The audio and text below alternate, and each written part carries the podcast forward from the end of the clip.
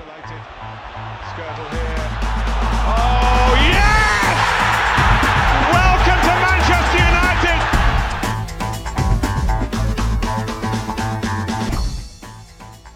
Så skete det endelig.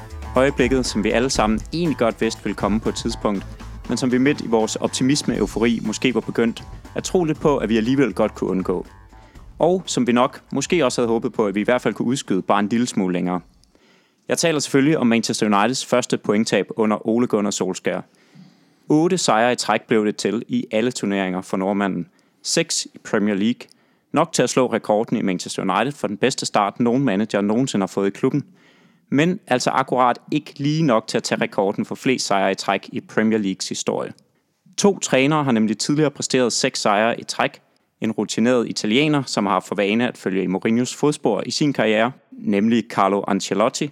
Og en vis katalaner, som i øjeblikket holder til i den lidt mere snuskede del af Manchester. Hele verdens fodboldkæledække Pep Guardiola. To store trænere, som har det til fælles, at de begge har vundet et hav af trofæer, og to trænere, som indtil Solskjaer kom til, også havde det til fælles, at de var de eneste i Premier League 27 år lange historie, som havde præsteret at vinde deres første seks kampe i Premier League. Ancelotti gjorde det i Chelsea tilbage i 2009-2010 sæsonen, og Pep Guardiola gjorde det i sin første sæson i England, da han tog over i Manchester City i 2016. Men en ting, som de også har til fælles, er, at de begge to tabte deres syvende kamp, og her overgår Ole Gunnar Solskjaer dem jo så rent faktisk. Fordi selvom det var tæt på, så fik United altså vendt 2-0 til 2-2 i går aftes, da Victor Lindeløf i bedste 30-time-manér sendte bolden over stregen i overtiden af kampen. Vi kommer til at diskutere gårdsdagens kamp, ligesom vi også kommer til at vende weekendens kamp mod Arsenal. Og så skal vi få gjort status over det transfervindue, som smækker i lige om lidt. Og så skal vi selvfølgelig også varme op til kampen på søndag mod Leicester City. Mit navn er Jonathan Dam Seldorf. Velkommen til Old Trafford DK podcast.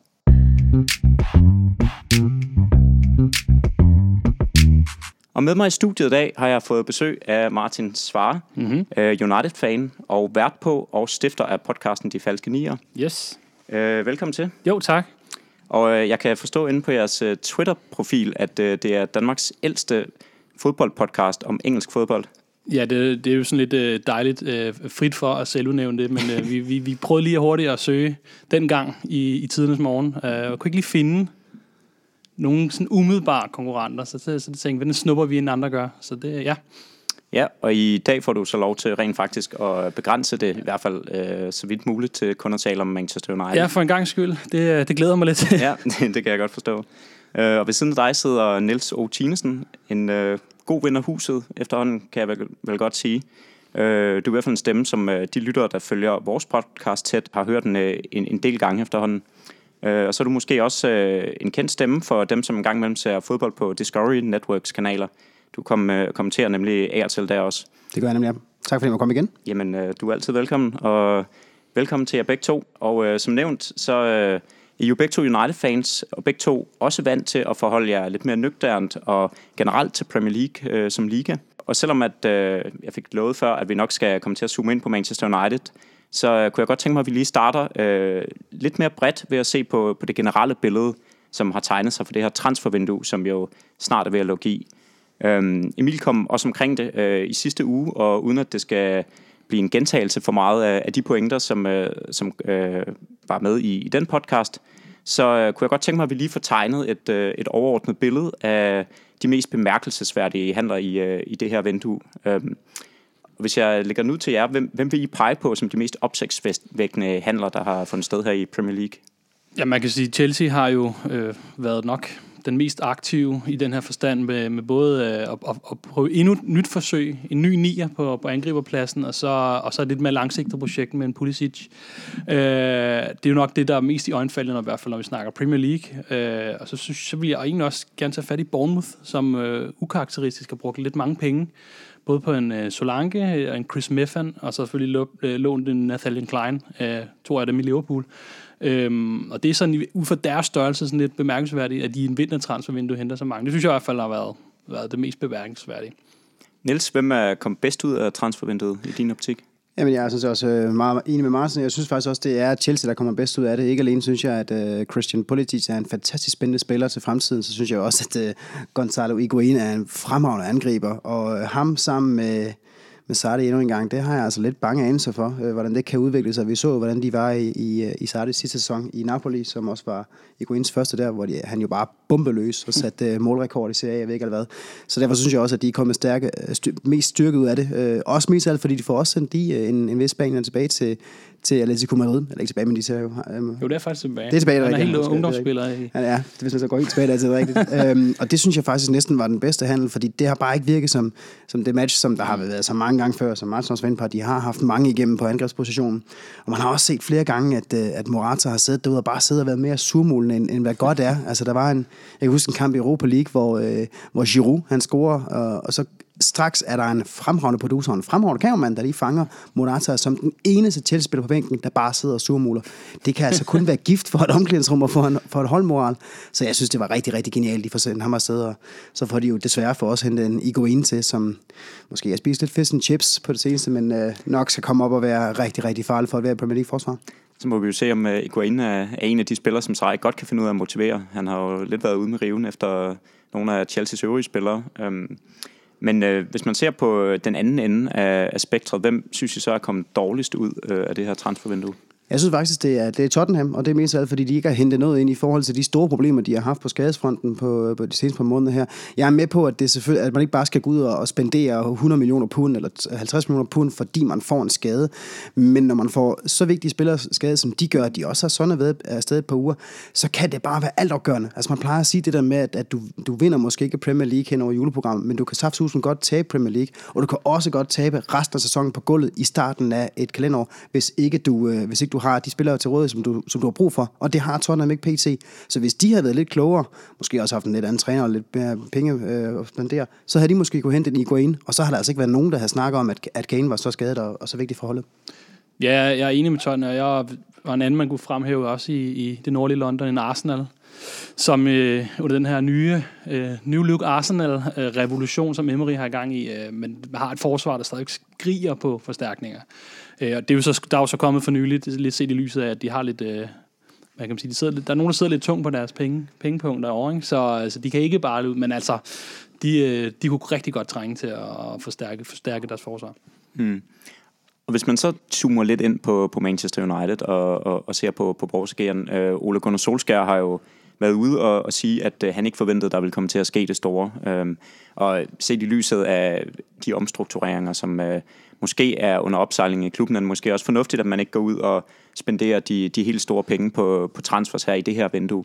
Øh, men der er alligevel nogle, øh, nogle andre øh, ting, som man har foretaget sig. Øh, der er en kontraktforlængelse blandt andet, øh, som øh, er lige ved at være på plads øh, efter sine til øh, Anthony Martial, og så er der øh, også kommet en øh, kontraktforlængelse på plads til en af klubbens yngre spillere, Scott McTominay. Øh, og så er der en øh, spiller, som måske er på vej ud, øh, og øh, ham tænker jeg, vi kommer til at vende lige om lidt. Men øh, hvis vi først lige tager fast i øh, Martial og går ud fra, at den kontraktforlængelse, som øh, længe har, har ligget mm. lige op over, at den øh, også rent faktisk bliver til noget. Øh, der bliver i dag skrevet om, at den øh, inden weekenden øh, højst sandsynligt øh, allerede skulle, skulle være bekræftet og være på plads. Hvad, hvad siger I til det?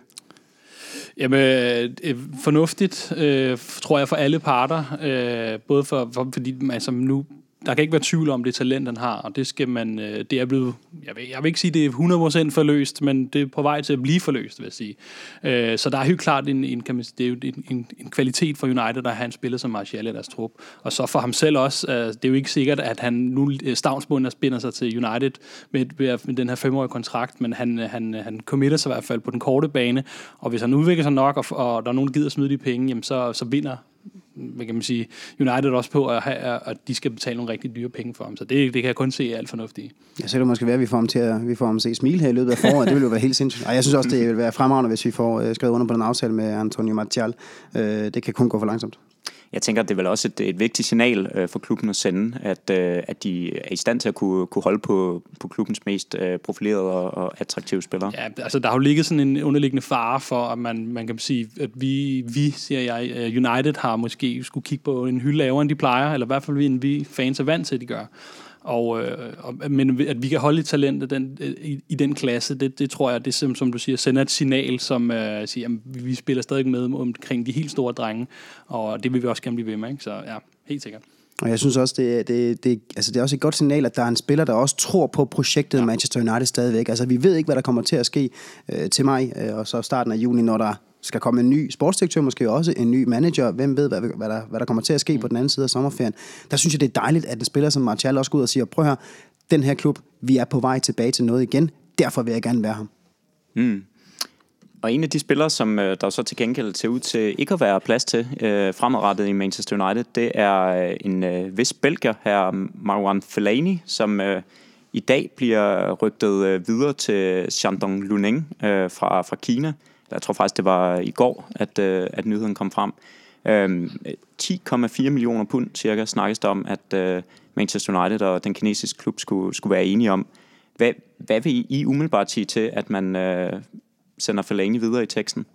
Det vil ikke gøre mig det store. Jeg har øh, aldrig rigtig været den store fan af ham. Øh, det har jeg også sagt det flere gange, også i den her podcast, også når jeg snakker med andre United-kammerater omkring. Jeg har ikke været den, den store fan, jeg har ikke den store fidus til ham. Jeg kan godt se, at han har nogle, nogle kvaliteter, som kan bruges på, på mange positioner, øh, eller i hvert fald to, øh, og på mange hold, eller i hvert fald 5-6 stykker, men jeg kan simpelthen ikke se ham passe ind i den måde, som vi gerne vil spille vores spil på. Nej, og, og hvis, hvis, hvis vi skal tro på, at der kommer den her nye version af United i, et eller andet format, jamen så, så det er jo også et tegn på, at man måske vil lidt man vil nogle andre veje, end man har været de sidste fem års tid. Så øh, på, på den måde synes jeg, det er fint nok, øh, at, at man overvejer at skib, skifte af med ham. Ja, for der, der foregriber du lidt mit, uh, mit næste spørgsmål. Altså, kan, kan det her egentlig sige noget omkring, hvilken retning Manchester United er, er på vej i? Ja, det, det synes jeg umiddelbart, fordi man kan sige, øh, for lige kort at vende tilbage til øh, spiller på vej ind, der har jo argumentet været at sige, vi ved ikke, hvad der sker, så derfor køber vi ikke noget, vi ved ikke, hvad for en træner det er, hvad for en spillestil han vil ligge. Men alligevel så vælger man at sige, at vi skal lade os af med ham her, som jo faktisk de tre foregående træner har været rigtig glade for at have i truppen. Så det er vel også et, et, et, et tegn for klubben at sige, okay, vi, vi skal spille noget andet fodbold. Det her, det, vi skal næste, til at tage et nyt skridt øh, i en eller anden retning, som er væk fra det her. Så, øhm, så, og, og man vælger man at gøre uden at vide, ved vi selvfølgelig ikke 100%, men uden at vide, hvad den nye træner gerne vil og kan øh, endnu. Så det er et tegn, ser jeg det som, øh, på at man gerne vil nye veje. Men, men nye veje, hvornår, hvornår tror I, man har truffet den her beslutning omkring, at man gerne vil nye veje? Jeg tænker på, at man forlængede jo med ham i sommer. Øh, hvor, hvorfor gjorde man egentlig det, hvis han ikke var tiltænkt den fremtidige klubben? Fordi dengang havde man stadigvæk også Mourinho. ja, ja, men ja, skulle jeg sige, Mourinho vil gerne have ham, og har flere gange hvis også udtryk for, hvor glad han var for at have ham i, i truppen. Øh, og jeg tror måske også, at Jamen, altså, han har, det kommer måske også ind på senere, han har, han har trods alt vist en form for værdi for klubben, så øh, at beholde ham, hvis det måske ikke har været en af de dyreste spillere her i klubben, har måske set fornuftigt ud på det tidspunkt. Ja, hvis I, altså hvis I nu netop skal øh, prøve sådan at, at tegne et lidt mere øh, nuanceret billede af ham, øh, hvis jeg så spørger jer sådan, hvilke tre positive og tilsvarende tre negative ting, hmm. I huske Fellaini for, hvad vil I så sige? Hvis vi skal starte med de positive, så har jeg øh, lavet tre nedslagspunkter, som er 1-0-målet mod Basel i Champions League, 2-1-målet mod Arsenal i sidste sæson, og så et flot hår.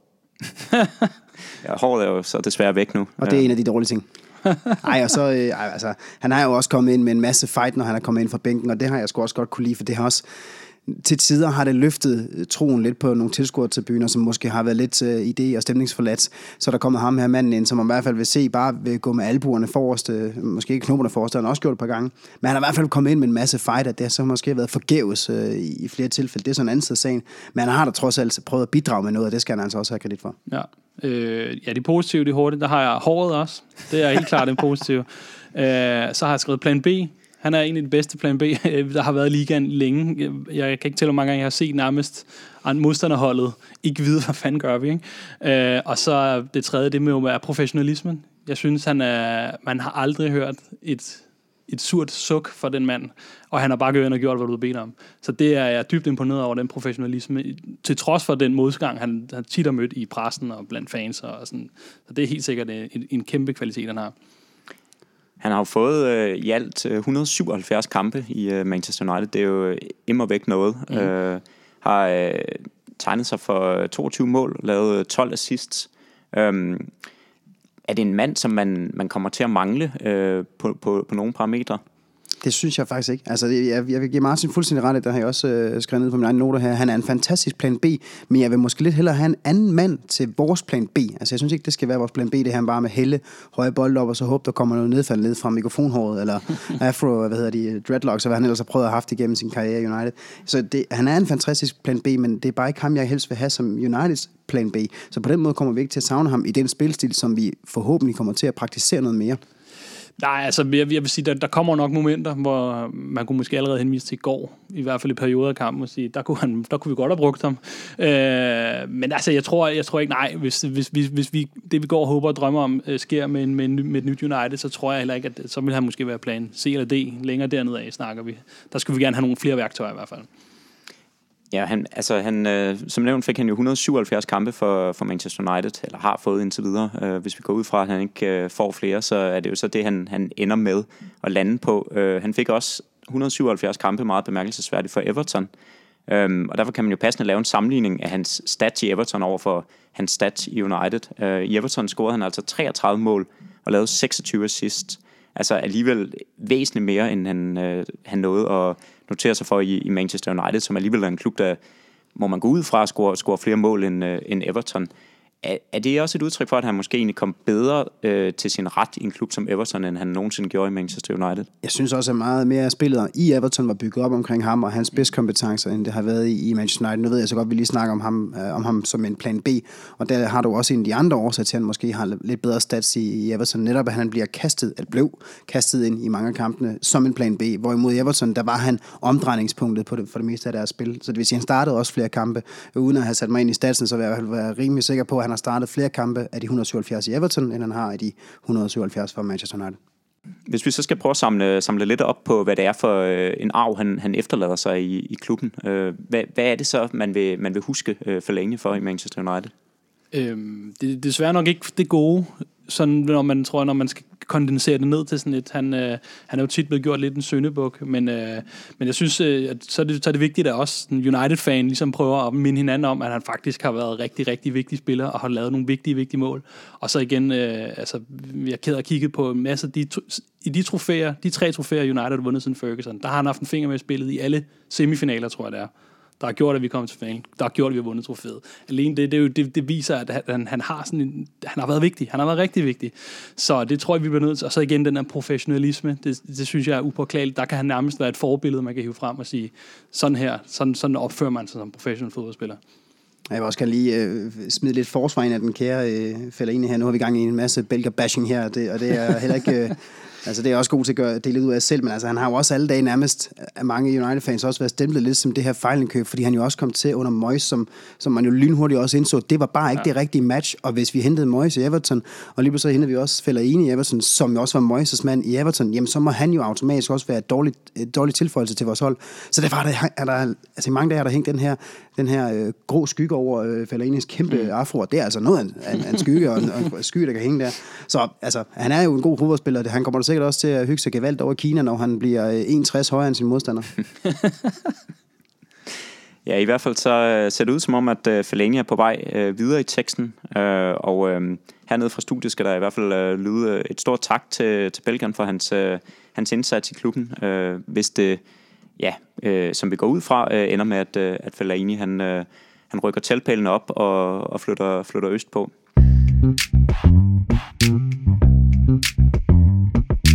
Og med det så øh, hopper vi videre til øh, en af de kampe, som øh, vi skal tale om øh, her i, øh, i studiet i dag.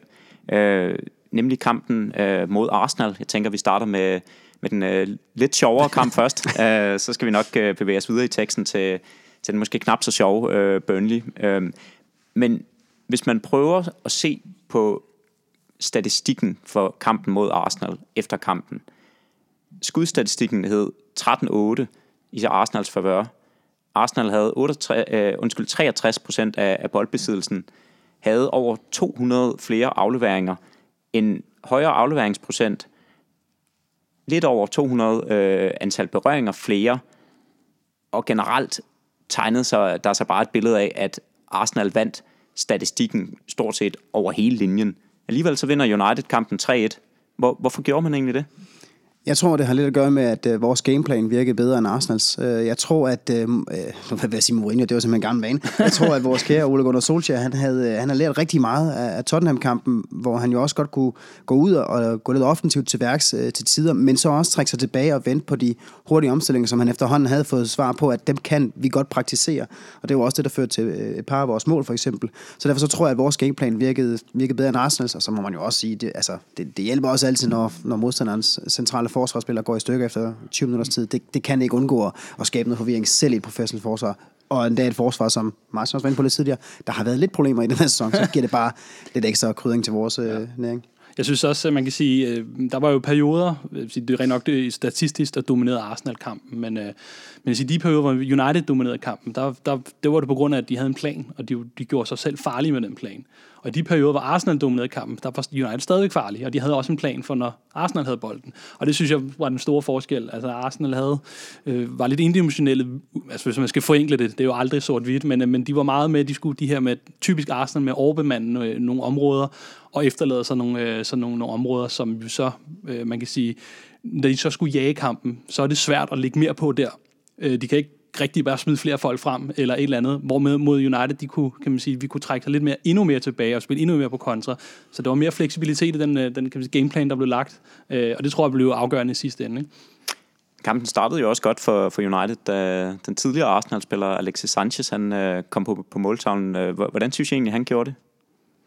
Jeg synes, øh, jeg synes han, altså, han gjorde det okay. Nu kan man sige, at hans øh, standarder i, i United, i sin United-tid, er jo ikke særlig høje, så der skal måske ikke så meget til. Men jeg synes, øh, jeg synes man, man, man kunne, der var nogle, nogle takter, hvor man kunne sige, at han, øh, hvor, hvor han, han gjorde det godt. Øh, men, men der er også nogen, der det viste, at han i, i det her system er rigtig rusten og han øh, har fået brug for en del kampe for at komme ind i den, kan man sige, den øh, harmoni, der ligesom, øh, der allerede nu findes på holdet. Der, der, han lidt, der, der mangler han lidt. Men jeg synes, han, han spillede efter hans United-standarder en fornuftig kamp. Jeg er helt enig, og jeg vil også sige, jeg synes, øh, et af de store problemer, som også har været med Sanchez i, i starten af hans United-karriere, har været, at han det har set ud som om, han ikke har været helt på bølgelængde med ja. de andre i offensiven, så det vil sige, at der har været mange fejlafleveringer, hvor, altså, som nærmest er gået 5 meter ved, ved, siden af ham. Der mangler stadigvæk et par stykker i Moasa, men det var meget bedre. Altså, jeg synes også, det ser bedre ud nu her, at, at med, med, med, når han går ind i kombinationer i offensiven, så fremskridt fra hans side også. Solskjaer jo valgt at stille op med en lidt anderledes opstilling, end, øh, end han øh, ellers har, har praktiseret i sine andre kampe. Hvordan synes I, det fungerede?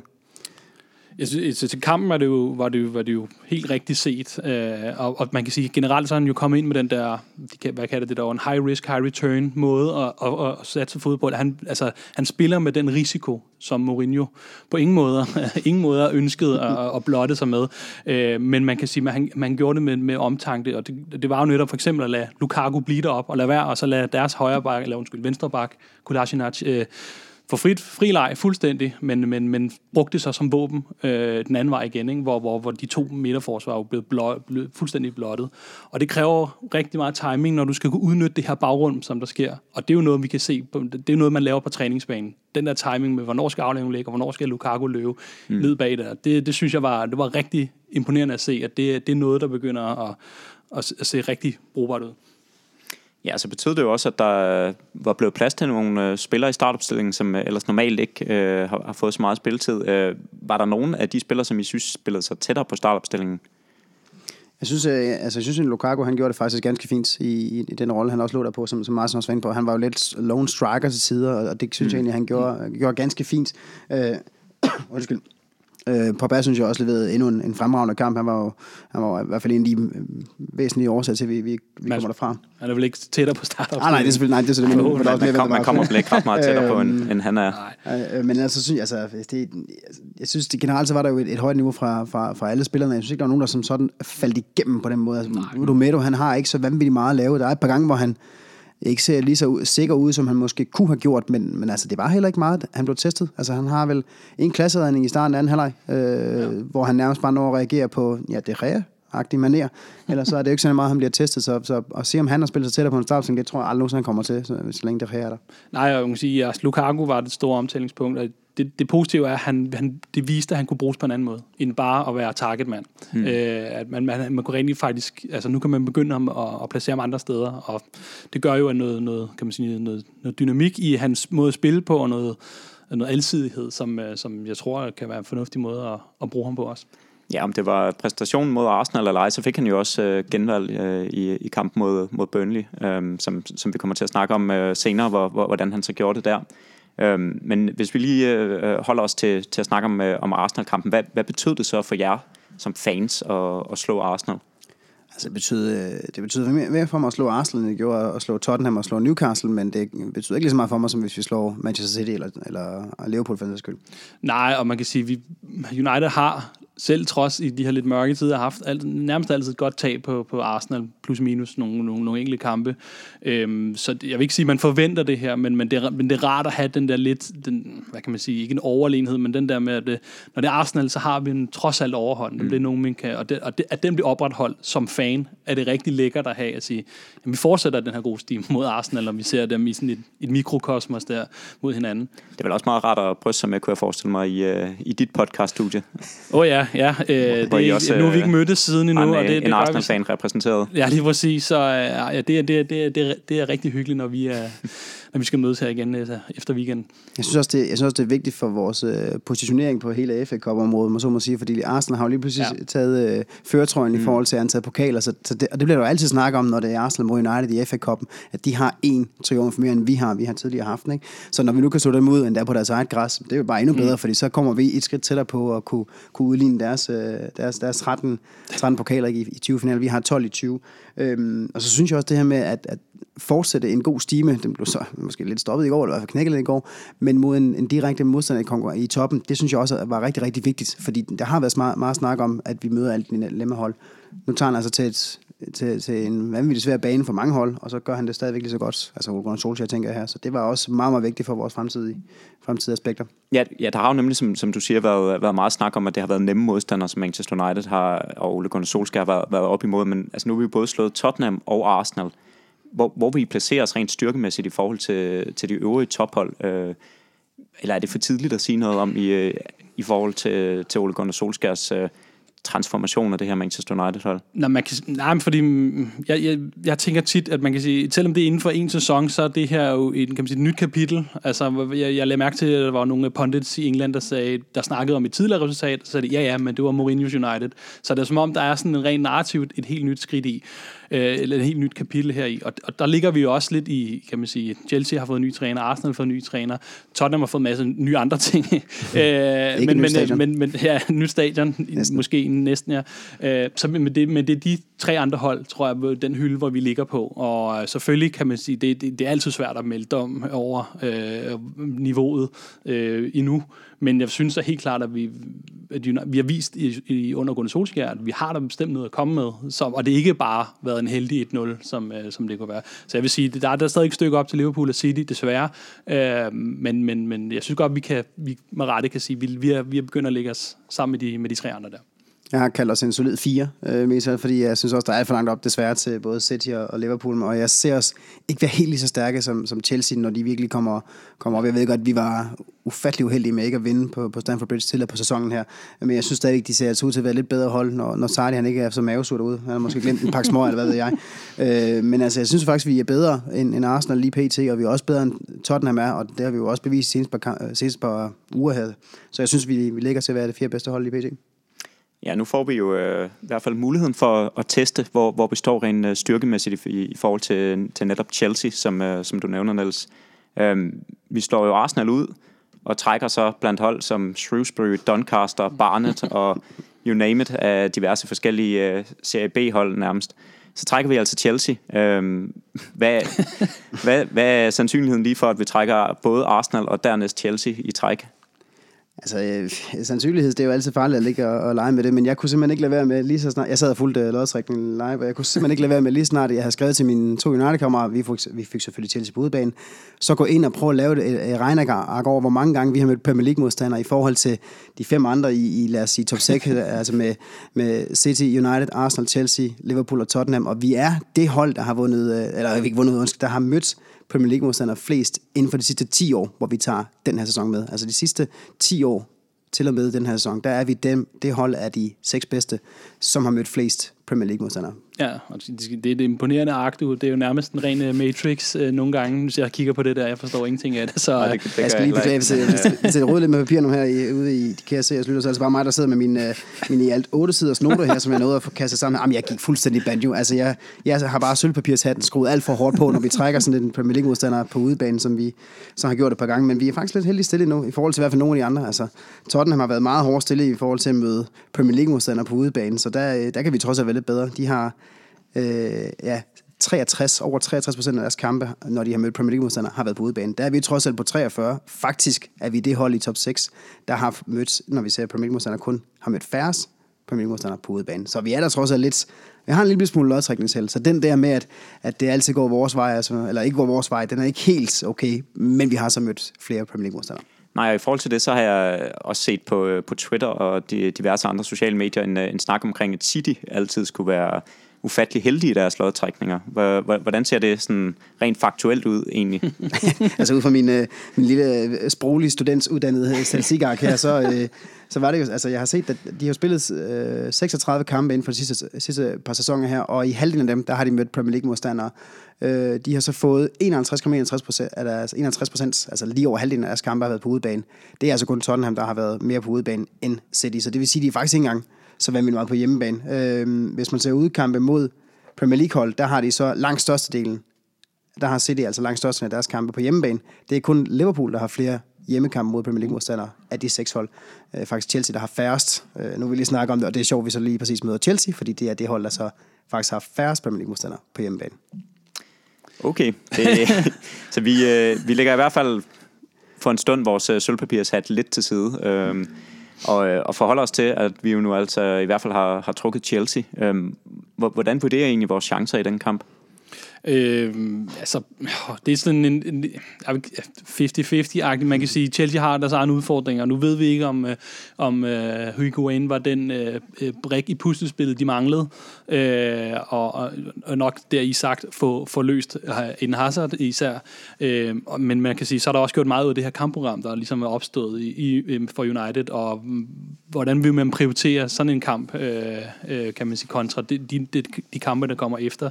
Så øhm, altså det, det, det synes jeg er virkelig svært at vurdere. Øh, rent styrkemæssigt, så, så vil jeg sige, så ligger det nok lidt mere til Chelsea, i og med de på hjemmebane, og, og, de, og, og det er sådan et hold, der er på niveau med United, når de spiller bedst. Så, så den ligger en lille smule til Chelsea, jeg tror.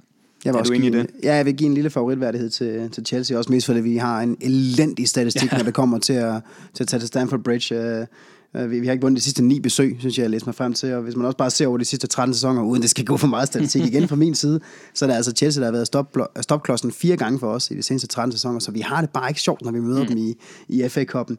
Øhm, og, og der er også det her, hele det her med, at der er nogle europæiske turneringer, turneringer som også ligger og lurer for begge holds vedkommende, men Chelsea har det nok bare lidt nemmere, når de skal i Europa League, hvorimod vi skal op mod Vesthold nede fra, øh, fra, fra Paris. Chelsea har Malmø.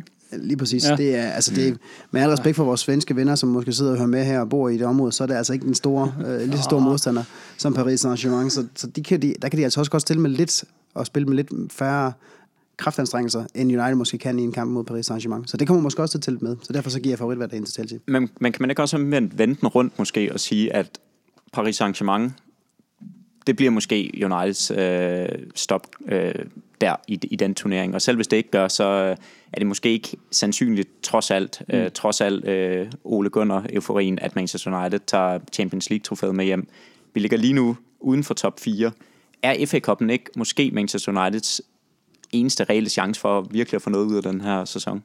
Jo, men den er også, den er saftsus også værd at satse på, fordi top 4 er stadigvæk det, der er alt mest, eller mest afgørende. En FA Cup triumf kan vi i teorien ikke bruge så meget, hvis vi ikke kommer med i Champions League næste sæson, sådan som jeg ser på det, for det er alt afgørende i forhold til at bygge det her øh, genopbygning af klubben. Så derfor så synes jeg også, at øh, det kan godt være, at vi er fem point efter, øh, selv sammen med Chelsea, så frem de formår at slå Bournemouth i aften. Øh, vi sidder jo her onsdag eftermiddag, øh, og det må man næsten formode, at, at, at de gør, trods alt.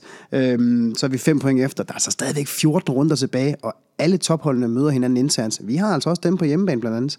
Så det er jo ikke helt umuligt for os at kunne indhente, øh, indhente Chelsea, hvis vi beholder den her tur i den. Især hvis vi, som vi antager, ryger ud af Champions League, så, så tror jeg med på det. Og man kan sige, den, den den klassiske mentalitet omkring FA Cup'en er jo også, at man, man prøver og ser, om det kan gå, måske med på udskiftninger, og når man når til et vist punkt, eller kvart semifinal, så er det der, man kan spekulere i at gå efter den. Og man kan sige, trofæer, jeg, jeg i vores podcast jeg advokerer altid for, at trofæer er vigtige for en klub, fordi det avler vinderlyst, det avler vindermentalitet, det avler, altså det er det, spillerne gerne vil have mere end noget andet. Men jeg vil også øh, sige, at, at ligaen må være have første prioritet, øh, og så må FA Cup være en bonus. Så det er top 4 frem for sejr i FA Cup'en, der, der tæller for jer? Ja, 100 procent. 100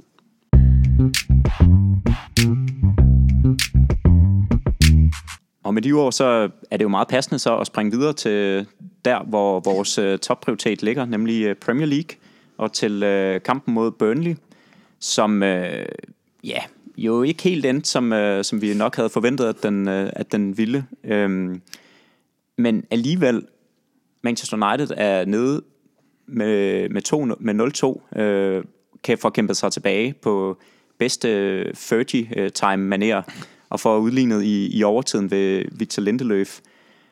Hvad, hvad er jeres overordnede øh, følelse, som vi tager med fra, fra kampen i øh, går aftes? Um, altså, vi, det, det, er sådan en, øh, det er lidt underligt, øh, altså, fordi det, det, det, det er både skuffelse fordi vi tænkte, vi ville allerede på den korte tid, måneds tid, forvente med, at, øh, at det her det er noget, som vi burde kunne klare. Øh, men samtidig så, så er det her med det her, når United comeback, det er jo også, når mange der snakker om fodbold-DNA, det er jo om noget, øh, et, øh, et, et DNA for, for Fergie-dagene, så, så det, var, det var også rigtig fedt at se det her comeback, at, det, at den vilje trods alt, den, den har bidt sig fast i. Det er i hvert fald sådan den, den, den følelse, jeg sidder tilbage med jeg sidder også lidt tilbage med, med samme følelse, så en, en generel følelse af, at øh, vedbrystdagene, det er nok bare over nu. Altså, øh, det, det har været så fantastisk sjovt at ride med på den her øh, øh, sejrsbølge her, og nu, nu venter der så nogle, nogle dage så nogle kampe, som bliver altafgørende for, ja, selvfølgelig for vores sæson, men også for hele opfattelsen af Solskjaer som en, som en manager. Ikke kun hans fremtid i United, men også generelt hans fremtid som manager, den bliver jo afgjort her de næste, næste par kampe, tror jeg nærmest. Øh, fordi hvis han formår at slå tilbage, jamen, så er der ikke nogen, der kan huske, at vi spiller 2-2 mod Burnley, så, er det bare, så var det bare den kamp, der stoppede hans sejrstime. Mm. Hvorimod, hvis vi ikke klarer os godt mod Leicester, vi ryger ud af FA Cup'en, vi ryger ud af Champions League, så er det lige pludselig den kamp, som starter nedturen. Og mm. så er mm. altså et helt andet aspekt, der kan blive sat på den her kamp her, som spiller i går. Man kan også, altså, der har også været lidt snak om, at det her var måske den første fejl, rigtigt, han har været ude at lave, fordi han lavede trods alt mange ændringer, øh, som, som viser, altså der var for eksempel Marta og en Pereira, som øh, ikke præsterede, eller i hvert fald på fremhed som det negative. Og vi så også, øh, nu Arsenal så vi den gode Lukaku, den nye Lukaku, men her så vi måske også den lidt gamle Lukaku.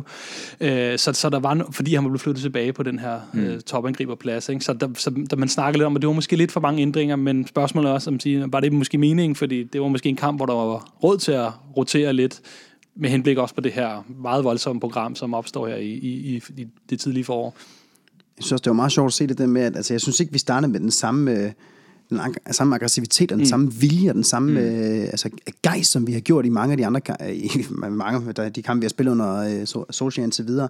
Altså, det var mere stillestående, det var langsommere på den måde, vi byggede vores angreb op på. Øh, der var langt flere tværgående afleveringer, synes jeg, end der var fremadrettede afleveringer. Og det var noget af det, som, som vi jo havde under Mourinho, og i første halvleg, vi har ikke et eneste skud på mål i første halvleg for mm. eksempel. Det er jo altså Mourinho-style igen, og det er jo noget af det, som, som vi også skal være varsomme med, at det skal altså ikke til at ske igen, og, og fred være med, at vi får en god reaktion, da vi er bagud med 0-2. Men, men altså, der er nogle alarmklokker, som stille og roligt begynder at varme op, hvis det er, at, at, at, at det her det fortsætter. Mm. Men vi havde så til gengæld et uh, skud snart forbi mål, eller i hvert fald forbi mål af, af Marcus Rashford på et, uh, et ret så glimrende oplæg af, af Lukaku egentlig. Mm. Altså nu øh, har vi måske været lidt efter ham i forhold til, at han ikke havde sin bedste præstation mod, mod Burnley. Øh, Solskjaer var også selv ude og kommentere på efterfølgende, at, at han ikke helt ramte dagen. Øh, mm. Men havde, havde Rashford sparket den der ind, så kunne det måske have, have været et ja, andet billede. Ja, det, det, så, så var der gået hul på, på, på den berømte ballon, måske snakker mange om, og det er jo, men det er jo sådan noget vis og vis. Øh, mm. man sige, øh, øh, men, men Burnley er også bare en rigtig svær modstander, må vi erkende. Jeg, jeg kigget lidt på de tidligere kampe, og, og de seneste tre kampe på Old Trafford mod Burnley, det har været tre gange uafgjort. Og det er altså med, der har United lavet fire mål på 79 skud, så det snakker også om, at det, det er altså et Burnley-hold, der kommer og ved godt, hvad, hvad de skal, når de kommer på Trafford. Det er ned at stå, og så virkelig en massiv, massiv defensiv. Ikke? Og det så vi også igen i, i, i går. Og ja, en, en fuldstændig rigtig med en massiv defensiv, men alligevel så var det jo faktisk også, så lukrerede de jo på noget af det, som vi har været så gode til ja. under Solskjaer, nemlig at stå højt og presse på, på modstanders banehalvdel, som jo faktisk førte til deres 1-0-mål. Mm. Det var jo et, et fantastisk mm. Solskjaer-inspireret mål nærmest, for de er jo, vi, vi er 5-6 mand bag bolden, og de er lige oppe i smasken på os med 4-5 spillere, altså Burnley-spillere på Uniteds banehalvdel på Old mm. Trafford. Det virker helt sindssygt at sige, når det ikke er en dødboldsituation, men der var de altså over presse, og det førte så til den her fejl fra Pedetta, som så gjorde, at de kom foran 1-0. Så det var fantastisk af dig, så company. Ja, Desværre. Ja, hvis vi, hvis vi lige kommenterer lidt på, på Pereira, altså han har kontraktudløb her til, til sommer, øhm, får så endelig chancen nu her i, øh, i en kamp, hvor, hvor man vel godt kan sige, at det, det lidt var en øh, eksamen, han, han var til. Øh, ser I en fremtid for Andreas Pereira i Manchester United efter hans præstation i går? Nej. Øh, nej, altså umiddelbart, jeg tror, jeg, jeg, jeg tror også, jeg sige, det er ikke på baseret på kampen i går udelukkende, men, men jeg mangler at, at tage, jeg kan ikke, sådan, når jeg sådan tænker tilbage, den kamp, der fremhæver ham, eller sige, altså, selvfølgelig, selvfølgelig, han har ikke fået så mange chancer heller, og været lidt underlagt det her, men, men øh, jeg tror desværre ikke, at han er sådan en, der bliver, vi kommer til at satse på. Øh, han kan måske udvikle sig til en bredde spiller, der, der kan nogle ting, men, i det her system, der virker han heller ikke sådan helt, i hvert fald ikke på bølgelængde med, med, med resten PT. Ja, jeg er helt enig. Og jeg, jeg tror jo også, at øh, Altså, han er efterhånden 23 år, det kan godt være, at han har været udlejet et par gange for at, få, for at få den nødvendige rutine, men det har han bare ikke rigtig kunne omsætte til, når han så er kommet tilbage til United og skulle, skulle praktisere det der.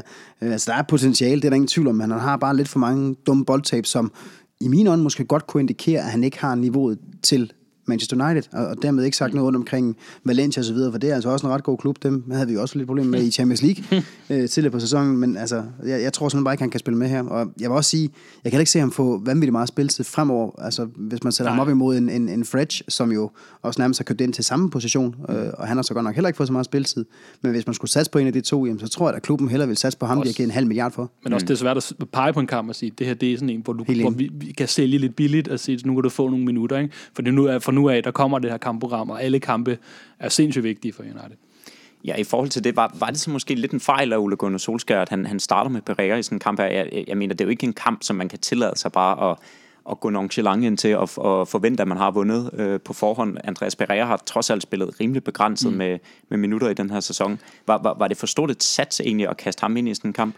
Ikke, jeg vil ikke, ikke sige, at, at sætte ham ind, men at sætte ham ind kombineret med de andre ændringer, han lavede, så synes jeg, det var, det var, for, det var for mange ting. Men, men som jeg også var inde på før, jeg ved heller ikke, altså med, igen med henblik på det her kampprogram, jeg hele tiden snakker om, med den her stribe af kæmpe kampe, hvis han skal rotere og give folk, nogle folk nogle pauser, så er det her, var det her måske en af kampene. Øh, og så var det måske et, så det er jo sådan en balancegang at sige, mm, ja, det var måske lige en ændring for meget, øh, men det er jo ikke parere ændringen, som jeg synes, der var forkert. Nej, jeg er helt enig. Og jeg synes også, det er fint nok, at uh, Solskjaer han laver ja. ændringer. Nok ikke så mange, som vi så i går. Undskyld. Men jeg synes, det er fint nok, at han laver ændringer netop også for at kunne spare spillere til det, til det, til det på kampprogram. Og så skal en Pereira der bare stå klar, og han skal gå ud og myrde den første Burnley-spiller, han møder, hvis han vil, vil have nogen forhåbning om at, at spille sig tættere på startopstillingen, og det gjorde han bare ikke. Ja, det samme er lidt gældende for Lukaku. Han er vel også en, der skal, der skal gribe de chancer, han får lige i øjeblikket. Han greb vel heller ikke rigtig chancen? Nej, ikke i går. Altså, der, der, der, der var det lidt, øh, man kan sige, der var det han brugt som stor del af kampen som targetman igen, øh, og, og mod sådan et øh, meget kompakt Burnley-forsvar, der virkelig ved, hvordan man øh, øh, sådan oversvømmer det der, deres eget felt, så havde han ikke rigtig den store sådan, øh, rolle at spille i det her. Øh, og det, altså, så, nej, det var måske ikke lige den kamp, hvor han, øh, han, han greb den øh, chance, nej. Hvis man så skal prøve at se på nogle af de lidt mere positive præstationer i kampen. Øh, jeg har selv noteret mig, at øh, Victor Lindeløf blev, blev kåret til, til, til banens bedste. Øh, var, var der andre, som I synes øh, godt kan være deres øh, indsats bekendt, bekendt i går? Øh, jamen, altså, øh, både på, faktisk både på godt og ondt, så synes jeg, at en Ashley Young, jeg, ved, jeg tror, han lavede, øh, jeg ved ikke hvor mange, 13 indlæg, og der var kun et, der lykkedes, eller sådan noget, men, men alligevel, at han, at, at han formår at, at, at komme op, og, og det var faktisk ham, der gjorde det, der var sådan den, den mest chanceskabende spiller, sådan umiddelbart, men det, det var igen, det var måske heller ikke hans bedste dag, men det var, det var, det var svært, synes jeg, at fremhæve nogen sådan decideret at sige, at de gjorde det rigtig godt. Det var måske en, en kollektiv øh, vindermentalitet til sidst, der trak, det, der trak øh, sejren i landet. Eller ej, undskyld, krydset. ja, fordi sejr, sejren blev det jo det, desværre ikke til. Altså, hvor, hvor, hvor slemt et setback ser I egentlig det her øh, som værende i forhold til, til drømmen om top 4? Jamen, som, uh, som jeg var inde på lidt tidligere, så, undskyld, hvis, som, jeg, som jeg var inde på lidt tidligere, hvis, hvis Chelsea vinder her onsdag aften, så er de fem point foran os. Så, så selvfølgelig var det ærgerligt, fordi vi mister det her fremragende momentum, som de var ved at få bygget op, og det er et par vigtige point, som vi godt kan komme til at, til at savne til sidst, men, eller mangle til sidst. Men altså, vi, vi har 14 runder tilbage efter i aften, måske 5 point op. Hvad vil vi ikke have givet for det for tre måneder siden? Så altså, det, det er et setback. Ingen tvivl om det, det skal man heller ikke øh, undervurdere. Men, men så slemt synes jeg heller ikke, vi skal gøre det til.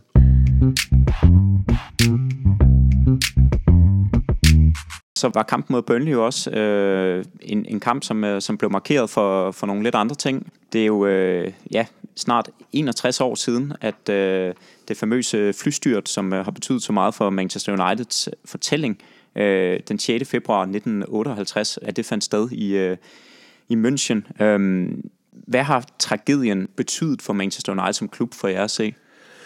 Øhm, det er jo blevet sådan et kan man sige, historisk samlingspunkt, øh, som jo ligesom er med til at, at danne hele den, vi snakker meget den her kultur, man ligesom kører ind til, og det er jo, det er jo meget det, sådan, som en klub, især også måske, altså for os, for os fans, er det jo sådan en, en, en kultur, man, man køber sig ind i, når man, er, når man følger sådan et hold. Og så er det vel også, øh, kan man sige, sådan, har det været sådan et, et, et, et definerende vendepunkt, forstået på den måde, at hele den her forståelse af, med, med de unge spillere, som jo lidt kom i kølvandet på den her ulykke, øh, og, så, altså, at den her DNA blev ligesom, øh, hvad kan man sige, startskud til den her DNA skabelsen af det her DNA United har, med meget med at bruge unge spillere, egen avl og de her ting og sager. Øhm, det synes jeg, det, det, det, det, er jo sådan, det er jo sådan et punkt, der ligesom binder det hele klubben sammen, både før den og efter den. Ikke? Ja, helt enig. Jeg synes, øh, jeg synes, det betyder ufattelig meget. Altså, det var også en af de grunde til, at øh, da jeg begyndte at læse om, om Manchester United der tilbage i, hvad vi tilbage midt-90'erne, og research lidt på, hvad, hvad det var for en klub, da jeg begyndte at, at følge med dem til at starte med, der var det det, der ligesom fik mig overbevist om, at, at altså, det, var en, det var en klub, jeg synes, der havde så interessant en historie, øh, som, som gjorde, at det blev lidt til at holde øje med, med øje med. Og man kan jo også se det her med, at det stadig betyder ufattelig meget. Altså, jeg har selv haft fornøjelsen øh, af at være over til en af de kampe der i starten af februar, hvor de, øh, hvor de har den her Remembrance Day, øh, eller ikke Remembrance Day, det er november, undskyld, men hvor de hylder øh, og, og mindes ude foran, og stå ude foran Old Trafford der, hvor der er den der plaque, dem der har været på Old Trafford, øh, har set den på den ene ende der er der sådan et mindesmærke for München-ulykken, og der er altså øh, en ufattelig tung stemning stadigvæk. Jeg var derovre i, i 2003, det er alligevel øh, en del år siden, og, og det var jo ikke, fordi det var en, altså, en, en stor mærkedag som sådan, men der var stadigvæk bare, altså der var vel 2.000 mennesker samlet ude foran en halvanden time før kampstart, og der blev sunget Flowers of Manchester. Der var stadig mm, altså, ældre herrer, som stod og, og, og nærmest tudbrølede, og i hvert fald flere tårer, der løb ned af kinderne. Det er, altså, det, det er stærkt. Det, det er klart det minde fra den tur, som, øh, som står stærkest i min hukommelse. Og det vil at mærke min første tur på Old Trafford. Vi møder City, så, og det er stadigvæk det minde, der står stærkest i min hukommelse. Jeg synes, det, det er også noget, der er blevet brugt øh, uden det skal lyde for kynisk, men brugt til, øh, som, som, altså som spillertrup, og det er noget, som de går op i, øh, måske især under Ferguson, men jeg synes faktisk også under de, de, de, de efterfølgende træner, har det været, været noget, der har været vigtigt at, at pointere og spillerne, at få spillerne ligesom, øh, til, med til det her, og være en del af det her. Så, så det har jo det har den her sådan et samlende effekt, øh, øh, både for holderen, for klubberen, for, for fankultur, for Øh, alt, alt det her sådan historik, der ligger i en klub som Manchester United. Ja, det er jo noget, der har været med til simpelthen at, at, at tegne Manchester Uniteds øh, historie og, og forståelse af, af sig selv. Øh, og, og det er jo nu 61 år siden, at, øh, at, at det her tragiske flystyrt øh, fandt sted, og alligevel bliver man ved, ved med at, at markere givenheden. Hvis man nu øh, prøver sådan at koble det lidt sammen med, ved godt, det er en anden historie, men til kampen blev det også bundet sammen med... Øh, med historien om øh, Emiliano Sala, som jo også er efter sine øh, formentlig i hvert fald styrtet ned med, med et mm. fly øh, på vej til, øh, til England. Øhm, vil, vil den historie vække samme genklang om 61 år, eller hvad er det ved, ved, ved den her historie, som, som gør, at, at, at den bliver genfortalt og, og bliver ved med at at få så meget øh, opmærksomhed og fylde i, øh, i medierne, såvel som øh, internt i klubben. Altså, nu, nu skal vi selvfølgelig ikke... Øh, der er selvfølgelig snakke. mange spørgsmål også der. Ja, men ja, det, og det er også helt fint, men øh, altså, nu skal vi selvfølgelig ikke snakke rundt omkring øh, Emiliano Sala, som jo, altså det er forfærdeligt, det hvad der nu engang er sket, og som mange jo, øh, jo frygter, frygter er sket det med flystøtte her. Mm. Men altså, vi har også at gøre med, som, som Martin også var inde på, United-årgang, der styrte ned dengang, det var starten på noget helt fænomenalt. Altså, de var ved at bygge vel nærmest verdens bedste fodboldhold op på den gang der. Der var nærmest ikke, det har alle jo snakket om efterfølgende, der var ikke grænser for mm. det potentiale, der lå i den trup. Så det var jo noget helt forfærdeligt, der skete. Det samme så vi jo også med Torino, Grande Torino, da de styrte ned i mm. 56, tror jeg det var, lidt, lidt ja, år tidligere. Okay. Omkring, ikke? Det var sort-hvid i hvert fald. Lige præcis. Ja. Øh, der var det jo også hele holdet, der nærmest bare blev udslettet, og de er jo også de er så ikke kommet tilbage i samme stil som United, men de er jo også kommet nogenlunde tilbage igen. Xabi den brasilianske klub, der styrte ned for et par år siden. Altså, det er bare, det, det, det skal ikke fornægte, hvor, hvor, forfærdeligt, hvor forfærdeligt det er med Salah, men når det er en helt klub, som fuldstændig bare bliver udslettet fra den ene dag til den anden, øh, så, giver det, så, så, øh, altså, så, så går det så meget i arv ved fansene, så det, ja. er noget, de fortæller deres børn om. De sidder og fortæller om, dengang jeg så på farvefjernsyn, som så ikke var, at, at nu var der kommet en nyhed fra München ja. her, der græder de, og det har de jo så det har de bare fået ind. Så ja. det, øh, det er lidt det samme, som der forestiller mig lidt. Øh, altså, Kennedy blev skudt, ikke? Altså, der sidder mange amerikanere, jo. som stadigvæk også markerer det meget, og de har det jo også givet i arv til deres børn, som så stadigvæk også tænker på, at det var en forfærdelig dag. Altså, man kan, noget, man kan sammenligne med, og, og hvordan det måske lyder, så, så er det jo det, lidt samme øh, historie, der er i en klub som Liverpool med de, øh, med de især, øh, hvad hedder det, Hillsborough-ulykken, som jo også har været for dem et kæmpe samlingspunkt, og noget, der stadigvæk den er i dag binder fans og klub sammen. Øh, så, så, så der kan man jo lave en sammenligning på, på, på det, der sker. Og der kan man også bare se, hvor meget det fylder. Det er selvfølgelig ikke lige så lang tid siden, men, men det fylder stadigvæk uhyggeligt meget i klub til Liverpool. Så, øh, så det, det er en sammenligning. Så Emiliano Sala, han, han nåede jo engang til Cardiff, så, så i, i den klub bliver det nok ikke et stykke. Man kan måske diskutere om det i Nantes, øh, han, det får en betydning øh, på sigt, men, øh, men slet ikke i, i sådan en, en, en, en historisk øh, opbyggelse, som det, der lige kom med kølvandet på det. Det tror jeg ikke. Jeg tror, øh, jeg er helt enig. Jeg tror for eksempel, at øh, Vichais øh, helikopterstyrt mm. fra Leicester, som vi så ind på lidt senere også, det, det tror jeg er noget, der kommer til at blive markeret mere ja. øh, og blive mindet mere og blive snakket mere om i, i en årrække, der som kommer en, øh, en Salas. Det er ikke lige så meget, tror jeg, fordi det er jo... Altså... Nej, som en flaus. Nej, overhovedet nej, ikke som München-lykken ja. bevares, men jeg tænker på, på Salas. Det øh, der tror jeg, det bliver... Altså, Vichais kommer til at fylde mere.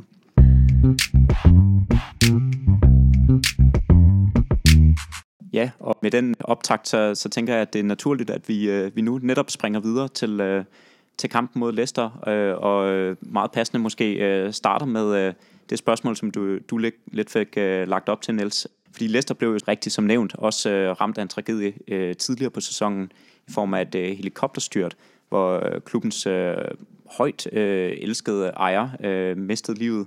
Øh, hvordan har Leicester reageret på, på den hændelse, for jer at se?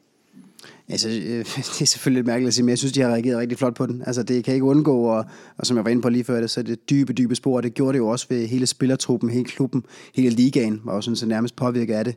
Øh, det her er en forfærdelig ulykke her, men, men jeg synes også, det var faktisk ret hurtigt, de kom, tilbage på, på, på sporet igen, og, og, og selvfølgelig skal de også det. det. Det er selvfølgelig hårdt at sige, men selvfølgelig skal de jo tilbage til hverdagen hurtigst muligt. De er professionelle folk, som skal ud og levere et stykke arbejde, øh, men, men det gjorde de altså også bare nærmest for dage. De, de vinder jo den første kamp ud over, over Cardiff. Måske Cardiff ikke lige gik 100% ind til den kamp, det, der, det kan man selvfølgelig altid mm. diskutere efter, mm. og fred være med det. Men jeg synes faktisk, de, de, de leverede en god respons, øh, på trods af, at de har været et hold, som har været i kæmpe problemer sæsonen igennem. Jeg synes også, det var et fint, kan man sige, afvikling af det her. Det var sådan lige, føler jeg personligt, lige på grænsen til at blive lidt, altså der, der gik sådan et, jeg kan huske, der var en af kamp, første hjemmekamp, tror jeg. Alle bandereklamer var sort, sort-hvid.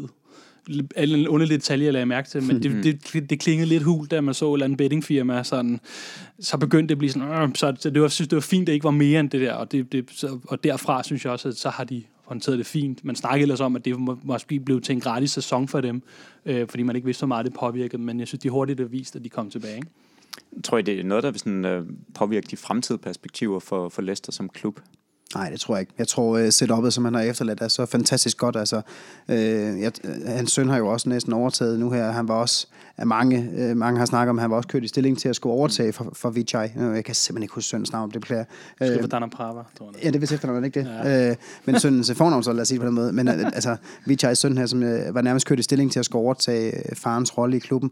Uh, det er selvfølgelig ikke den måde, han helst vil gøre det på, men, men jeg Nej. tror simpelthen, at det, at det er et fundament, der er så stærkt. Altså, de har så stærke rødder i hele Leicester og omegn der, så jeg, at, øh, det, det kan godt være, at de bliver, går måske 5% ned, men det er ikke noget, som gør, at de kommer til at rykke ud i de næste 2-3 år, det tror jeg ikke på. Så er det i hvert fald, hvis der kommer en ny manager til, som, som fucker det hele op for dem. Er det noget, man kan se, som har betydet noget for klubbens spil, for jer at se?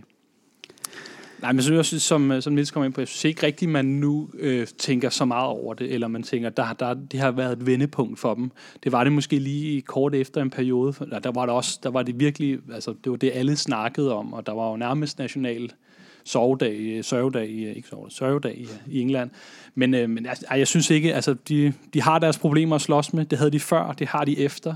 Øhm, og det synes jeg ikke, de har fået løst endnu, hvis vi, hvis vi skal komme lidt ind på det. Øhm, øh, de ligger sådan og roder lidt rundt, og både rent spillemæssigt, men også deres egen selvopfattelse, virker det som om, at de er heller ikke helt afstemt sådan. Øh, så, så jeg synes ikke som sådan, at der er noget ændret ved, ved, ved Leicester. Ja, de har jo tabt fire ud af deres øh, seneste fem kampe nu. Hvilken forfatning øh, vil I vurdere, at de er i lige i øjeblikket? Altså, jeg synes, de er, øh, de, efter et par sæsoner, hvor de måske, eller en sæson, hvor de er reddet højt, så synes jeg, de kommer tilbage til den tilværelse, som jeg lidt har, har dem som i hovedet, når jeg hører ordet Laster, eller klubben Laster. Det er den der midterklub der, som, som en gang imellem lige kommer op og leger med omkring 6-8 pladsen, men ellers ligger i det brede midterfelt. Altså, det kan man jo også næsten se på de, på de seneste par, eller på den her sæson her, de har været ubesejret syv kampe, så taber de lidt. Så slår de Chelsea og Manchester City hen over julen, så taber de igen til hjem til Cardiff, som var elendige på det tidspunkt, ikke? Øh, og så taber de fire kampe øh, hen over, øh, de sidste fem, som du også siger, blandt andet til Newport, mm. øh, som godt nok også skabte lidt problemer for, for Tottenham og senest øh, i sidste sæson, og senest også øh, Middlesbrough. Mm. Men altså, det er bare et hold, som man, der er ikke rigtig nogen, der ved, man har hen, og der har jo også ført en masse kritik af, af Puel med sig. Jamen, det, det, det er sådan lidt en sjov klub, øh, når, vi, når vi har prøvet ligesom også at finde ud af, hvad, hvad er diagnosen i, i Leicester, hvorfor er der ikke, øh, man kan sige, det er rent nok, de har måske fundet deres naturlige leje, men de har ligesom, de har været så højt op, at det er svært måske at vende sig til, det er blevet hverdag igen for Leicester. Øh, og så har de også, de har jo hentet Puel ind, som jo er berygtet for at være sådan en, han har været rigtig dygtig med unge spillere, og bringe dem frem og skabe, bygge hold op omkring det. Og det har han også gjort delvist omkring, omkring Leicester. Fordi der er stadigvæk en spiller som Wes Morgan tilbage, en, en, en Jamie Vardy, som øh, jo bevares, han er, han er dygtig angriber, men, men, men også bliver ældre. Altså, så er der nogle af de her, der, der sådan sidder fast, så de kan ikke få lavet det der, give det sådan naturlige ryg videre, og lave den her, kan man sige, revolution, som Puel måske ikke er kendt for. Og så, er det, og så har de også øh, virkelig, kritikken har været rigtig meget på deres indkøb. Det er svært at se øh, nogle af dem, der har været ind. De har mistet nogle profiler, men der er ikke rigtig kommet nogle nye profiler ind i stedet for, som har løftet klubben øh, ud fra det, der, der er ud. Så det, det er sådan, de er sådan lidt en underlig, øh, ja, øh, ubalanceret øh, klub lige nu, virker det som om i hvert fald, udefra. Jeg er meget enig. Altså det med, at de har solgt nogle profiler, som er svære at erstatte, det, det er altid svært at erstatte en Kanté og også en øh, ja. Riyad Mahrez. Øh, og det er lige præcis også det, der har gjort, at, at de jo ikke har kunne leve op til det, de har de, i de foregående par sæsoner. Det er bare to øh, i hvert fald Kanté er en af de bedste spillere, som Premier League har set de sidste ja. fem års tid, så at erstatte ham, det kan man jo nærmest ikke. Og det har efterladt et tomrum, som de har haft svært ved at fylde ud med Jeg fik en Didi. Drinkwater til at blive solgt til Chelsea, ikke? Ja, også det, ja, som der heller ikke gjorde så meget der, men altså det, og det var lige præcis, altså det er jo klart, at en mesterskabssæson gør bare, at man sælger ud af mange af sine profiler for en klub som Leicester, og det, det vil give lidt dødvand med sig, og det er så det, vi ser nu. Ja, fordi det er jo nærmest ikke til at forestille sig i dag, at øh, Leicester for et par sæsoner siden blev, blev mestre, men, øh, men det var, som, som rigtig nævnt, også med, med nogle lidt andre spillere, bla, blandt andet øh, Kanté og, og Mahrez. Mahrez blev jo solgt inden øh, den her sæson til, øh, til Manchester City, hvor han ja, har haft lidt begrænset succes, gjort det fint øh, i de øh, kampe, han nu har fået. Øh, men, men for Leicester at se, hvor, hvor meget synes I, at de har savnet en mand som Riyad Mahrez? Jeg synes, det har været et ret stort tab for dem. Og nok også et større tab, end Leicester selv var klar over, det ville blive. Altså det, som jeg var inde på tidligere, det kan ikke undgå at koste, når man selv er en af sine bedste offensive kræfter, men, men jeg, havde, jeg tror måske, de selv havde regnet med, at, at de havde garderingerne i, i, i Hanacho og, mm. og Okazaki, og øh, selvfølgelig også god gamle Jamie Vardy, som er en pestilens for at være Premier League-forsvar. Men de, her, de tre der har bare ikke rigtig kunne leve op til det, øh, og så har de så prøvet... Øh, øh, med, med øh, Adrian Gray også for eksempel har også gjort det ganske fint, men de har bare ikke kunne leve op til, til Mahrez's standard.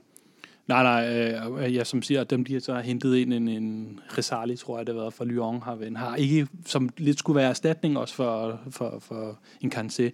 Nej, undskyld, øh, Mahrez, øh, ja. har, har ikke kunne, kunne løfte igen øh, det her. Så, så så det er sådan, øh, de, de, er, de er sådan stadigvæk har lidt efterdønninger fra, fra den her, det her mesterskabshold, som ikke er blevet renset ud. Så det, det, det er sådan en, det er en sjov størrelse, Leicester lige nu. Mm. Og United har jo mødt dem øh, en gang tidligere her i sæsonen. Øh, man øh, startede faktisk den her sæson mod dem, hvor man jo vandt 2-1 i en, en kamp, som, som faldt ovenpå en preseason, som ja, var præget af ufattelig meget negativitet, så det var jo nærmest et under, at Mourinho han formåede at og, og få det til en sejr i den kamp, sådan øh, blev det i hvert fald øh, af ham spændet øh, i sin tid, kan jeg huske. øhm, men hvis man ser på, øh, på styrkeforholdet mellem Manchester United og, og, og Leicester, jeg kan huske dengang, jo, Mourinho havde til en vis grad succes med at få det til, fortalt på en måde, sådan, som om, at det nu var en kæmpe bedrift, at man havde slået Leicester. Men det var jo også en kamp, man forventede, at man skulle vinde, mm. og man vandt den også. Har styrkeforholdet ændret sig siden? Uh, forventer man stadig, at det er en kamp, som man skal vinde?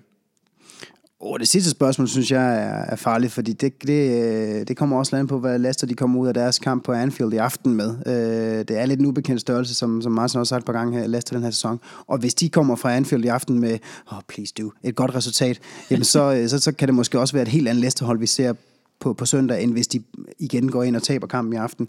Øhm, men altså på papiret, så må man jo bare sige, den steam, vi er inde i, kontra den steam, de er inde i, jamen så skal vi vinde den kamp. Ja, ja, og så, det som vi også snakker om tidligere, at det, når vi snakker den første kamp, så var det Mourinho's når der United, og det her det er Solskjaer United. Mm. Så, øh, så jeg vil sige, alene af den grund af styrkeforholdet, eller kan man sige, det, det er der stedet på Uniteds forvør i hvert fald. Ja, det er nærmest usammenligneligt. Ja, det er jo, altså de to hold, det kan nærmest ikke sammenlignes med Mourinho's dengang og Solskjaers nu.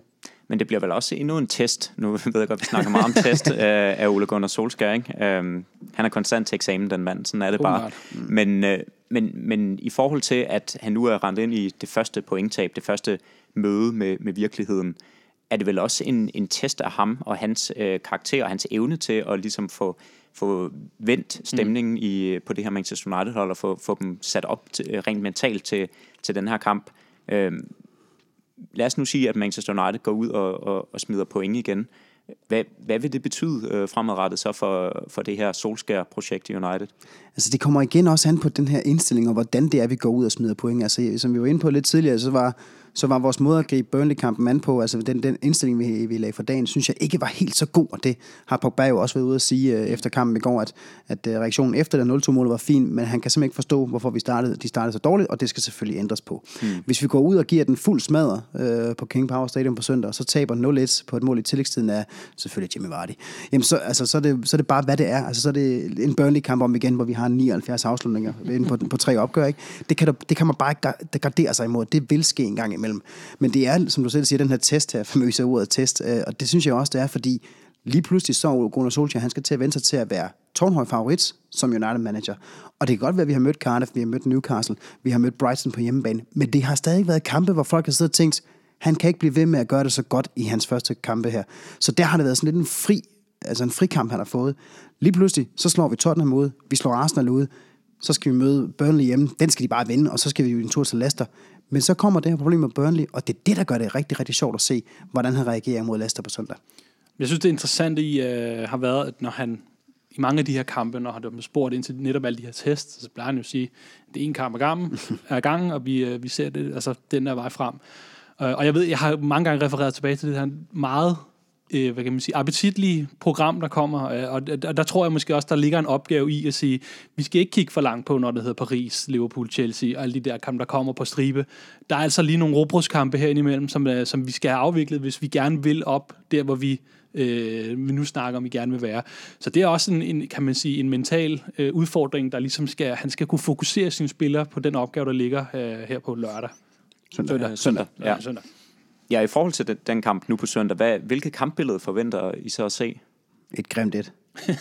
ja, det, det tror jeg desværre. Altså, det, jeg tror, det bliver... Øh, selvfølgelig håber man altid på, det, på, på et brag. Vi har jo også været ude i et par gode kampe mod Leicester på det seneste 3-5 kampen på, på King Power Stadium, som desværre ikke gik, som vi havde håbet, men det var en fremragende kamp.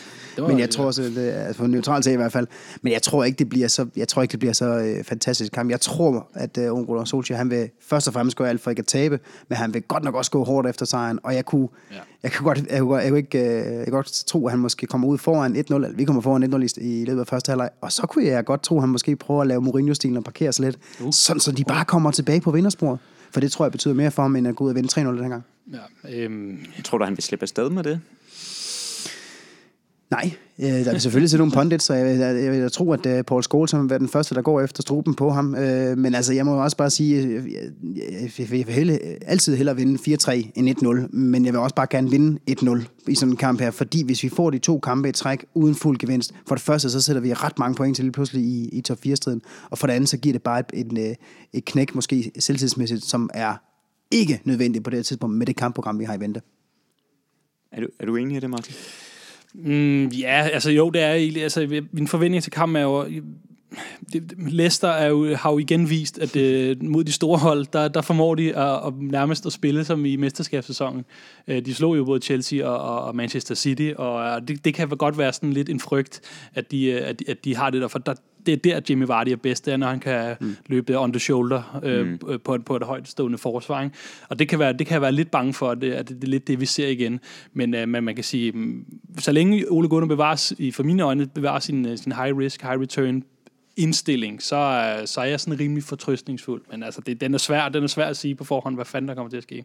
Men jeg tænker, det er vel også meget det, som han har kørende for sig, Ole Gunnar, at han ligesom er gået tilbage til den her stil med, at man angriber, man, man vil gerne tage, tage, tage kampen i egne hænder, øh, og han spiller fodbold the United way, hvad det så end er. øh, så hvis han lige pludselig begynder at øh, ja, læne sig alt for meget øh, op af Mourinho i sin, øh, sin taktiske tilgang, risikerer han så ikke at miste alt det, som, som egentlig gør, at han overhovedet har det her job lige, lige pt. Altså nu skal vi også huske på, at uh, Sir Alex Ferguson, han var altså heller ikke slem til at gå ud og sige 1-0, og så tager vi bare de tre point med hjem. Ikke? Det var han nemlig, især også i sådan nogle kampe som det her, lige op til et hårdt program i Champions League osv. Så, så, så, så det er jo ikke fordi, det er forbudt for en United-manager at gå ud og satse på en 1-0-sejr ud over Leicester. Uh, det, det synes jeg er helt fair en gang imellem, især fordi han har bevist, at de kan godt spille mm. sprudlende. Jeg vil langt hellere tage en kedelig 1-0 ude mod Leicester, og så spiller vi et, uh, okay, ikke 3-2 hjemme mod Paris Saint-Germain, for så har de to udbanemål, men så vinder vi 3-1 hjemme mod Paris Saint-Germain i en kamp, der bare eksploderer fuldstændig. Altså det vil jeg langt hellere. Nu har han jo øh, her på det sidste eksperimenteret lidt, eller sparet øh, nogle spillere, øh, alt efter hvordan man vælger at se det, øh, i forhold til sine startopstillinger. Hvordan forventer I, at han vil stille op her i øh, kampen mod Leicester? Øh, mere eller mindre i stærkeste. Øh, og så kan det være, at der er nogle enkelte, der får, der får lov at, at vise sig frem. Men, øh, men, men også, altså, jeg tror også, der ligger lidt den her med, at de skal tilbage på sporet. Og der, der er start som vi har set flere gange, nok den bedste måde at gøre det på, øh, hvis vi skal spille det her Ole Gunnar øh, fodbold. Ikke?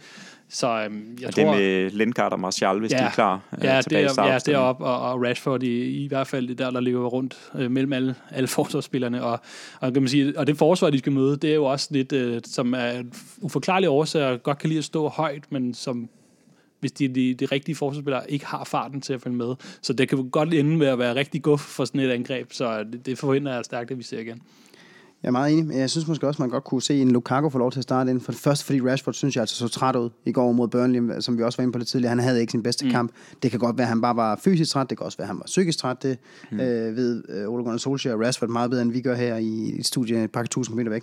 Men jeg synes bare, at det kunne være meget fint at se en, en Lukaku igen, og så have den der trækløv op foran, som vi også så mod Arsenal. Fordi jeg tror også, de kommer, altså Leicester kommer til at tillade en masse rum ude bag deres backs for både uh, Chilwell og uh, Pereira søger ofte gerne med frem. Uh, Chilwell, han går i hvert fald ud på venstre kanten, og hvis man så kan lægge Lukaku derude og få nogle, få nogle frirum derude, mm. ligesom vi så mod Arsenal, hvor vi får de to mål igennem, jamen så kan det altså skabe nogle problemer for et uh, forsvar, et Leicester-forsvar, som er ret tungt, og så kan det godt være, at vi skal starte med Rashford også, så han i hvert fald kan få brændt noget energi af de første 65 minutter, og så kan han så komme ud og sidde på bænken og slappe af. I forhold til, til, til det hold, man møder, hvordan har Leicester så ofte stillet op i den her sæson? Det har været meget skiftende, øh, altså, og det har, det har passet meget godt til deres resultater. Altså, for det meste så har uh, Claude Puel kørt med en, uh, med en, med en 4-2-3-1 uh, opstilling uh, med Pedetta, Morgan, Maguire, Chilwell i forsvaret, og så er det en, en defensiv midtbane bestående af Mamdi og Ndidi, og så er det Albrighton, og så nyerhvervelsen Madison, og så Gray, og så selvfølgelig Vardy lidt om foran. Men her den seneste måneds tid, der har han kørt meget en, en 4-1-4-1, altså prøvet at stadfæste midtbanen lidt mere, og få mm. lidt mere frem af banen, øh, hvor, man, hvor, hvor der så kun er Mendy, øh, der ligger som, som, som skraldemand bag ved midtbanen. Øh, og så er ham her, nogle englænder, og nu skal jeg prøve, om jeg kan udtale det, Hamza Choudhury, tror jeg nok, det udtales. Jeg, jeg, det, det er i hvert fald bud fra min side. Øhm, han er så kommet med den, der korrigerer dig. han er så kommet lidt med ind. Øh, men altså, jeg synes, det virker som om, at uh, Claude Boyle, han har prøvet samtlige holdopstillinger, samtlige holdsammensætninger, for bare at få et eller andet til at fungere. Ja, det er lidt, det er lidt, han slår lidt med terningen, i hvert fald når vi kommer til forsvaret, hvor det, og det er igen også, det, der er ikke nogen kontinuitet i det her, det er også lidt det, der er deres udfordring. Men jeg synes, det bliver, jeg synes, det bliver spændende at se, hvor, hvor han placerer en, Ricardo Pereira, som jeg synes har været en af de positive overraskelser af Leicester. Nogle gange har han spillet på den her bakposition, men han er også blevet rykket lidt frem, og det kan, det kan være afgørende, netop, som man siger, om der opstår nogle af de her rum. Øh, og så, ved jeg ikke, så synes jeg, der er, der er en spændende spiller, en Harvey Barnes, øh, en meget ung, øh, ung øh, spil, ingen spiller, de har fået ind, øh, tror jeg, eller også er han vel, ja, i hvert fald britisk, øh, øh, og se, hvad han, er for, hvad han for en størrelse. Han gjorde det rigtig godt i, i Wolves-kampen, som jo endte 4-3 også. Øh, det, der så han, han så spændende ud. Så øh, ja, det, det synes jeg vil være de to, man, man måske skal holde øje med. Har der været andre profiler øh, end de to, der bliver nævnt? Jeg synes, uh, James Madison har været, uh, har været rigtig, rigtig fin. Uh, fem mål på, som en anden, eller en del anden plads uh, på den interne topskoleliste, det er også meget fint, og fire assist, det er også okay, og det er jo en, nok ham, der var udset til at skulle uh, tage over ja. for Martes, og det synes jeg egentlig, han har gjort okay. Altså, det er saftsus en svær opgave at skulle løfte. Um, og han har gjort det så fint, så han er også lige noget ind omkring det engelske landshold her i efteråret til et par Nations League-kampe, uden dog at få minutter. Men altså, jeg synes faktisk, han har gjort det ganske godt, også selvom han så ja. divede sig til et rødt kort en kamp. Men altså, han er, han er blot, han er 22 år, ikke? Altså, der, der, der kan godt være nogle krummer i den knægt. Og så ellers så er jeg enig i, at uh, Ricardo Pereira, synes jeg, har været rigtig, rigtig godt kørende siden skiftet fra Porto. Så bliver det også spændende, om de får, de har, der går rygter om, de henter en Juri Tilmans ind fra mm. Monaco, tidligere mm. Anderlecht, tal, stortalent. Uh, en, som jeg tror også, man havde kigget lidt, uh, lidt lun på, småforelsket på, da han, var, da han brød igennem i Anderlecht, som United-spiller. Uh, og det, det, hvis de når at få ham med, så altså selvfølgelig, det er første kamp, ny liga, alt det der, men han, er, han, er, han kunne godt være en rigtig spændende spiller også.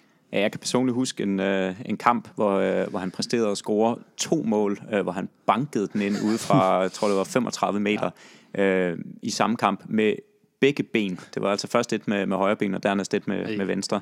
Uh, så det, det er altså helt vanvittigt spark, han, han i hvert fald uh, ja. besidder. Han er bare blevet ramt af en dårlig tid nede i Monaco. Ja, ja det, er der, det er der mange, det er der mange af Monaco, der er. Blandt andet Henri. Ja en anden øh, Premier League-legende. Øhm, men hvis man, hvis man ser på det hold, som, som de har nu, øh, Leicester, hvad, hvad er deres styrker så for jer at se? Øh, det, jeg vil sige, der, at deres offensiv skal redde deres defensiv. Deres, altså, de, har, de, de har stadigvæk en Jamie Vardy, som kan gøre ondt på alle hold. Øh, og jeg så bare lige hurtigt herinde, de skal jo møde Liverpool i aften, og han er en af dem, der har scoret rigtig mange mål mod Liverpool. Så det er jo sådan en, man, man please, håber please, på, at han, han, han får, får for at afvikle sin mål i aften og ikke på søndag. Øh, så deres offensiv, øh, altså Kagot og Demari Gray har også i glemt vist at være en, en, rigtig, en rigtig dygtig offensiv spiller, øh, men, men de står til falds med en, en meget, meget ubalanceret, tvivlsom forsvarskæde, øh, og så et midterforsvar, som har svært ved at beskytte dem, øh, som jo også var en, en, en, en af faktorerne i mesterskabssæsonen. Så, så det er virkelig, hvad, hvad er det for en, hvem har tur i den? Er det, mm. er det for, øh, for, er, bliver angrebet videre om forsvaret? Det tror jeg, det bliver afgørende for Leicester. Ja, der foregriber du måske lidt med næste spørgsmål, som, som, som, går, som går på, jamen det, det er kun så fint, øh, men som netop går på, hvad, hvad, hvad det er for nogle svagheder, som, øh, som Manchester United skal forsøge at Ja, og, og udnytte, øh, hvis der skal blive en sejr i den her kamp. ustabiliteten i deres forsvar, den, den, den, at, at det er sjældent det samme. De har ikke opbygget et eller andet øh, klippe, som de havde med, med Huth og, og Morgan dengang. Og mm. Morgan, han har set langt bedre dage, end han gør nu.